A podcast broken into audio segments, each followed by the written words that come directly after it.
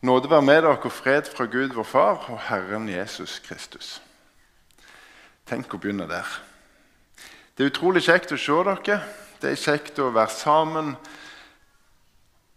Og det er Jeg må si jeg digger begrepet fellesgudstjeneste.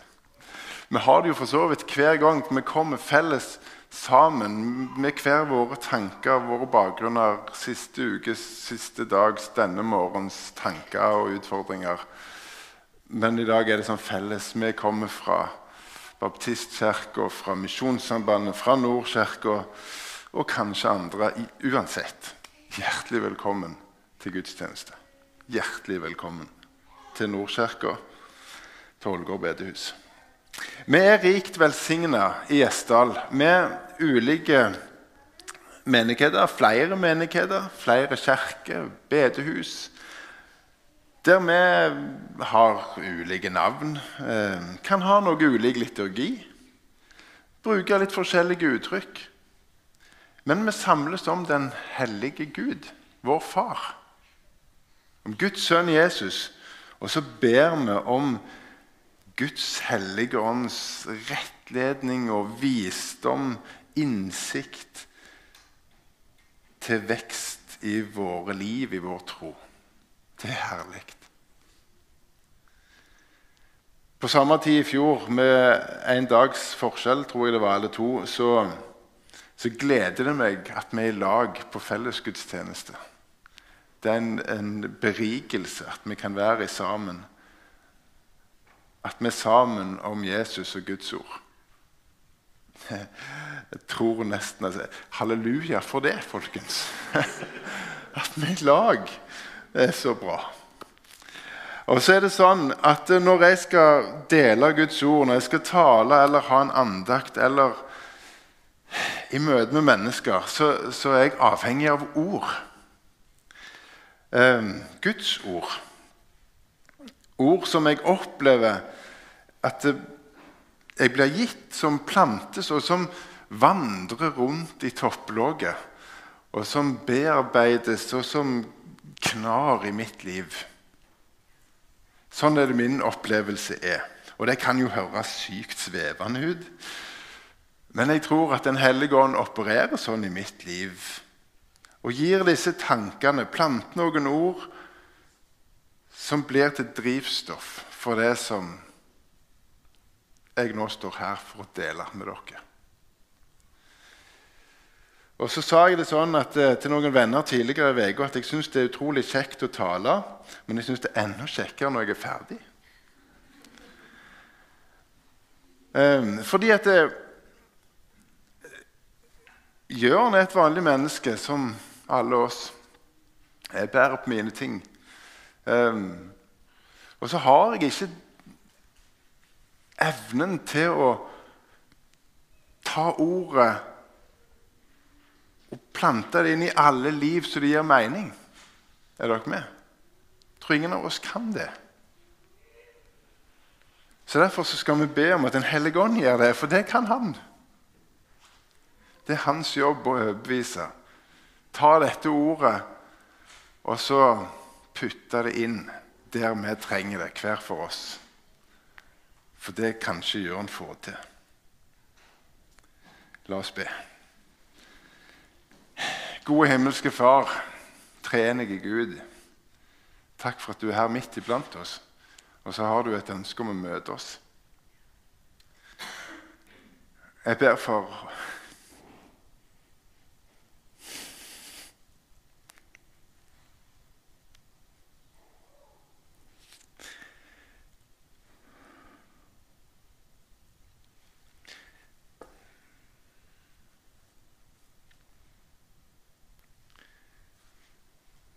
åpne våre hjerter.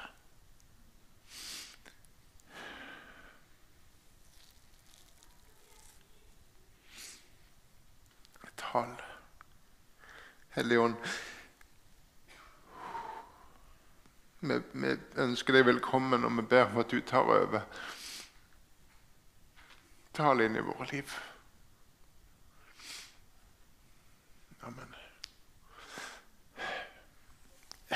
Pussig at det neste som står i mine notater, er 'Liker du å være forberedt?' jeg var ikke forberedt på dette. Men eh, liker du å ha kontroll? Og tenke at du, du vet hva som skjer, det, det syns du er en bra ting. Der er jeg. Eh, jeg liker å vite hva som skal skje, hva som ligger foran. Eh, jeg liker å vite hva jeg går til. I alle fall litt. Jeg liker å oppleve at jeg har en feeling av kontroll. Men i denne bransjen, i Guds rike-bransjen, der opplever jeg det rett som det at uh, verken er forberedt eller vet hva som vil skje, heller har hele feelingen av kontroll. Og det er jo logisk. Det er jo det. For bare Gud kjenner dagen fullt ut. Han kjenner framtida. Bare han vet hva som skjer i oss hvor vi er, og hvor han vil ha oss, hva han vil gi oss. Og så har han kontroll. Og Det er en øvelse å ta inn over seg, for jeg kjenner at jeg fort kan bli bekymra. Og så har jeg en kamerat, Runar heter han, en fantastisk mann. Han sa til meg en gang til for lenge siden, som jeg ennå tar fram. Han sa det med et smil om munnen og et en litt sånn snilt, sarkastiske tone, så sa han Jørn, det er viktig du ikke lar en god eh, bekymring gå fra seg. Og det er så nydelig sagt. Så passende. Og det har vært til hjelp. For bekymring er ikke noe sånn som er gildt å gå og bære på. Det, det gir liksom ingenting, det. Men vi mennesker vi har en tendens til å gripe fatt i bekymringer. Den teksten som jeg har fått ro for å dele i dag, eh, handler om et møte mellom Jesus og ulike personer, men primært én person. Det er en tekst som berører ulike emner, helt sikkert. Men for meg så har det liksom dreid seg litt om bekymring òg oppi alt med denne teksten. Og bekymringer for valg og ting og tang som kan få konsekvenser langt utover det som en forestiller seg. Teksten er fra Lukas 19, og vi skal komme tilbake til den. Men jeg har lyst til å si litt om, om forhistorien hva som står tidligere. Lukas 18 vil jeg gå til da. For der er Jesus og hans disipler på vandring. De er ute og går. De går mot Jerusalem. De går dit som Jesus sier at profetiene, profetene har sagt at det som skjer der, det, det, der skal ting oppfylles som er profetert. Så står det i Lukas 18, 31 og litt utover at Jesus tar disse disiplene med seg til, til sides, litt sånn på sida av de andre, og så sier Jesus til dem Se, jeg går opp til Jerusalem, og alt det som profetene har skrevet om menneskesønnen, det skal gå i oppfyllelse. Han skal overgis til hedningene og bli hånt og mishandla og spytta på, og de skal piske han og slå han i hjel. Og på den tredje dagen så skal han stå opp. Og Før dette så hadde Jesus tatt imot barna og velsigna dem. Jesus hadde stadfesta buda, bekrefta at buda er god. Men så hadde han òg satt strek unna viktigheten av å ha blikket festa mot evigheten, mot himmelen. At det er skatten i himmelen som teller, ikke all jordisk rikdom som vi kan fylle oss med her gildt å ha. Men fokuset er der oppe, sier Jesus. Og så er det vrient, vet du. Det er vrient for disiplene den gang, og da er det jo litt betryggende òg at vi kan Eller det er greit at det, det av og til er vanskelig for oss når det var vanskelig for de, tenker jeg. Men så sier Jesus at det som er umulig for mennesker, det er mulig for Gud. Og det er jo herlig. For Gud er allmektig. Gud har kontroll. Gud er nær. Gud ser. Og Gud har hele historien. Der vi får være, ha vår historie, for vi er en del av Guds historie. Og Dermed så er det ikke heller uventa. Men likevel spesielt når folk, for folk langs veien når Jesus ved inngangen til byen Jeriko eh, responderer på en blind mann sitt rop. Et rop om barmhjertighet. Det undrer de. Men Jesus han har ører som hører, som lytter til det talte ordet, men som òg kjenner og hører indre rop. Den litt blinde mannen langs veien han, han lar seg ikke stoppe eller tie av andre strenge ord, kanskje òg trusler. Ehm, den blinde mannen han har nemlig et behov, ei bønn. Han bærer på en nød om å bli helbredet. Og da trenger han jo Jesu berøring for dette. Og så stopper Jesus, fordi Jesus er opptatt av hvert menneske. Jesus er opptatt av vår tilstand der vi er i dag. Vår nød. Og Jesus vil leke. Han sier, 'Bli seende', sier Jesus. 'De tro har frelst deg'. Og mannen kan se. Han følger Jesus og lover Gud. Det er responsen på Guds helbredelse. Det er ikke småtteri det, det, det, er rimelig svært, det som skjer, og som det står beskrevet i, Luk, i Lukas 18. Um, ehm, og så flytter vi oss inn i Lukas 19. Um, ehm, da kommer Jesus inn forbi bymuren til Jeriko, og så kommer teksten om møtet med Sakkeus. Og det kommer på veggen, og jeg skal lese det for oss i Jesu navn. Lukas 19. Han kom inn i Jeriko og dro gjennom byen. Der var det en mann som het Sakkeus. Han var overtoller og svært rik. Han ville gjerne se hvem Jesus var, men han kunne ikke komme til for folkemengden, for han var liten av vekst. Da løp han i forveien og klatret opp i et morbærtre for å få se ham på et sted der han måtte komme forbi. Og Da Jesus kom dit, så han opp og sa til ham, 'Sakkeus, skynd deg og kom ned, for i dag må jeg ta inn hos deg.' Han skyndte seg da, da ned og tok imot ham med glede. Men alle som så det, murret og sa han har tatt inn hos en syndig mann. Men Sakkeus sto fram og sa til Herren, Herre, halvparten av alt jeg eier, gir jeg til de fattige, og har jeg presset penger av noen, skal de få firedobbelt igjen. Da sa Jesus til ham, i dag er frelse kommet til dette huset, for også han er en Abrahams sønn. For menneskesønnen er kommet for å lete etter de bortkomne og berge dem.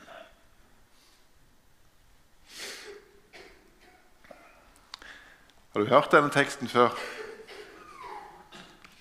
Jeg spurte på Connect i går om det var mange om de husket tekster de hadde igjen fra søndagsskolen. Denne kom ikke opp. Det undra meg litt. For denne husker jeg veldig godt. Jeg husker denne mannen i filt som eh, blir putta på dette morbærtreet på flanellografen. Herlig. For meg er det et godt minne. Og så er dette en tekst som jeg syns er utrolig vakker. Og som er veldig passende på enhver søndagsskole. På enhver gudstjeneste. Ikke bare for barn, og oss voksne barn. Vi trenger å høre om Jesu vandring, Jesu handling, Jesu ord i Jeriko, Jesu blikk i Jeriko. Det trenger vi å høre. Og jeg, jeg kjenner jeg trenger å minnes dette.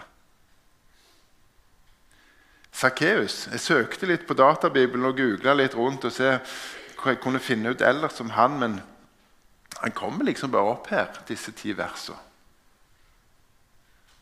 Og det er også taler hele mengde til meg. Tenk at disse her ordene her, få ord om Sarkeus, historien om Sarkeus, den er putta inn her til lærdom og rettledning og oppmuntring og tro for oss.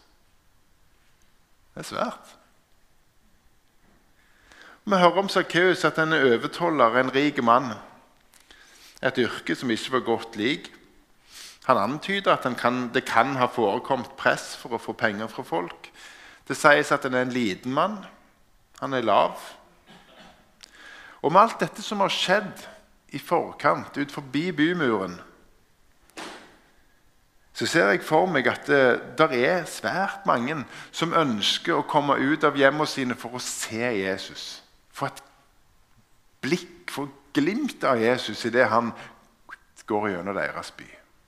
Deriblant òg Sakkeus. Men casen er jo at han er liten. Jeg vet ikke, 17. mai, Oslo, Karl Johan. Har dere vært der? Fullstendig kaos. Tett i tett. Nytter ikke å se om man ikke er tidlig ute. Vi var der med svogeren min når han var så stor. Og Vi fant en lyktestolp som vi kunne presse han opp i. For da kunne han se.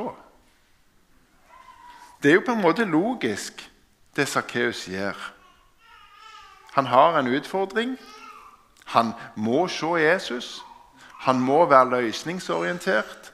Og han er målretta fordi han har et oppdrag. Et eget oppdrag, et mål. Det får bare være at han er kort. Det kan bare være at han ikke er godt likt. Han har ikke tid å tenke seg så nøye om hva andre måtte tenke. Ei heller at han begynner å springe. Ei heller at sjefen overtoller han, klatre i trær.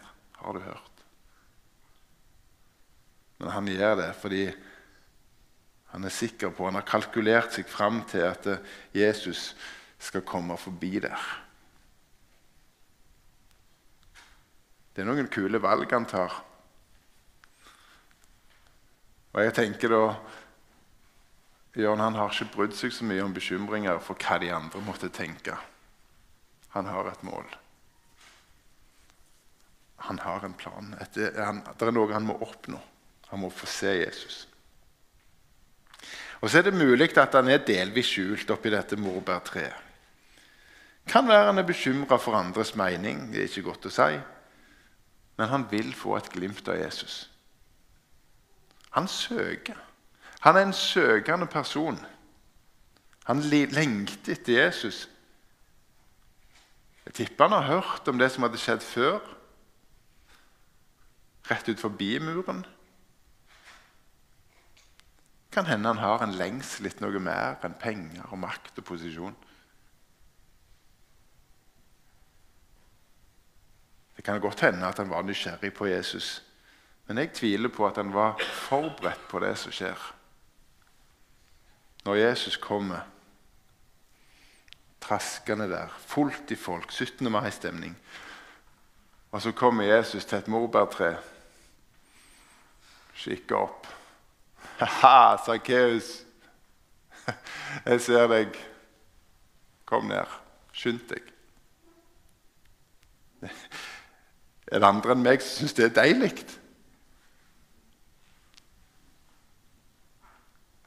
Hvorfor, hvorfor stoppa ikke en annen plass? Hvorfor akkurat under det treet? Hva er oddsen for at Jesus skulle stoppe akkurat der? Akkurat under det treet. Og hva er oddsen for at Jesus visste at mannen der oppe het Sakkeus? Skal vi sette det på kontoen flaks? Eller griseflaks?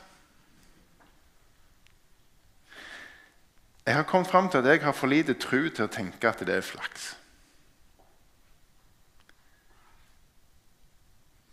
Jesus vet nemlig hva han gjør. Han vet veldig godt hva han gjør. Han vet veldig godt hva han er ute på. Fordi han gjør sin fars vilje, sin himmelske fars vilje. Jesus var kommet for å søke det som var fortapt. Jesus visste veldig godt han, at i morbærtreet sitter der en kar som søker. Og Så går Jesus inn til Sakkeus, til folkets murring og frustrasjon. Jesus tok inn hos en syndig mann. Så herlig. Så lite gjør han. Som putter folk i boks. Men ikke Jesus. Han ser Venter ikke på invitasjonen. Han sier jeg er nødt til Sakkeus, komme til deg i dag. Jeg bryr meg katten om de andre. For jeg trenger å møte deg. Du trenger å møte meg.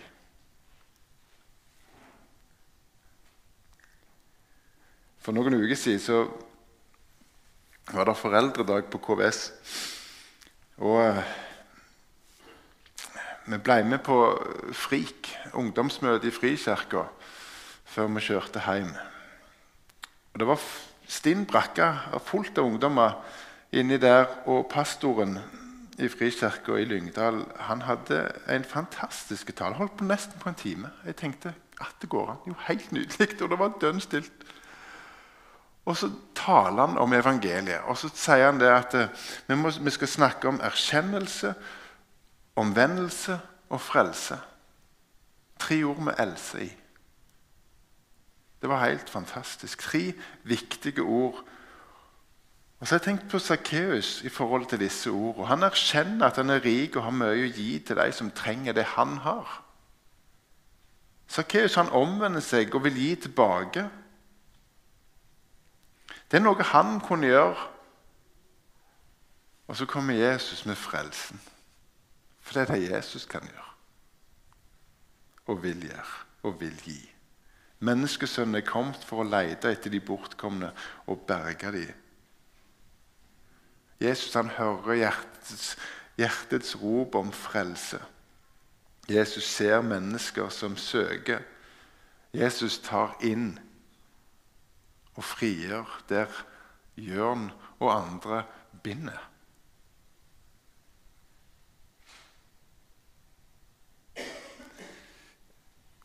Kanskje har du vært som Sakkeus i et tre. I en situasjon der du ble møtt og besøkt.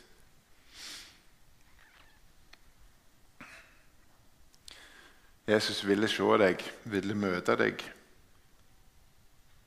Jesus sa navnet ditt. For han kan navnet vårt, hver og en av oss. Og Så er det tankevekkende at eh, rundt oss så tror jeg helt sikkert at det der sitter mennesker i trær som søker. Jeg tror det er Sakkeus rundt oss. Så når jeg er sånn skrudd sammen som jeg er, så, så ser jeg etter å høre en sånn misjon i dette. Et oppdrag til meg, til oss som menigheter. Ser vi sakkeusene rundt oss? Søker vi etter dem? Ser vi opp, og ser vi inn? Inviterer vi inn? Vi er gitt et oppdrag å dele Kristi kjærlighet. Vi er bedt om å se mennesker i nød, i ulike form for nød. Her vi bor, og i andre land langt vekke. Og Gud vil bruke oss pussig nok i sitt oppdrag. Men han vil det. Og det handler om at han har sett oss. Og så vil han at vi tar på oss de brillene som han så oss med. og så vil han gi oss sin ånd, så vi kan se andre gjennom hans blikk.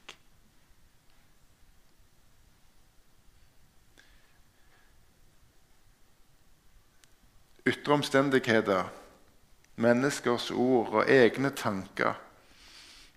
Djevelen vil putte i oss bekymring og tunge tanker. Det kan òg lede oss opp i trær og vekk. Det kan føre til taushet. Men må våge vi som Guds kirke på jord, på Ålgård, i Gjesdal, se forbi våre egne tanker og holdninger om oss sjøl og andre, og strekke oss etter det som Jesus ser, som Jesus viser, som Jesus befaler. Våger vi å be om visdom og nåde og Den hellige ånds hjelp til å møte mennesker der de er? Så at de kan få et møte med Jesus.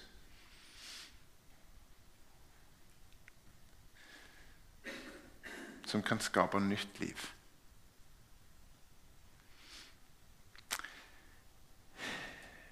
Vi kan bekymre oss for mangt og mye. Men vi er alle møtt akkurat der som vi er. Vi kjenner best vår egen situasjon. Der vi er, vil Gud møte oss. Jeg vil oppfordre oss til å legge av det som hindrer.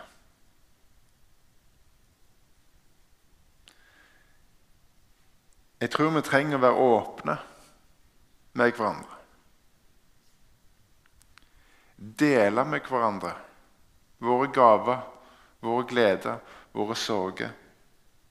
At vi går hånd i hånd med Gud i dette. Hånd i hånd som fellesskap, som brødre og søstre. Jeg tror ikke Gud sitter og ser på baptist eller lutheraner. Har ikke tro på det. Gud ser sine barn som han ga sitt liv for. Og Derfor får vi være med hverandre i fellesskap. Og så får vi være med og se etter mennesker som Guds hjerte banker for.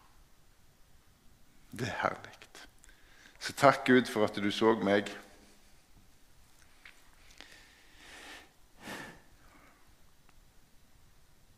Du kunne mitt navn, og så sier du at du elsker meg.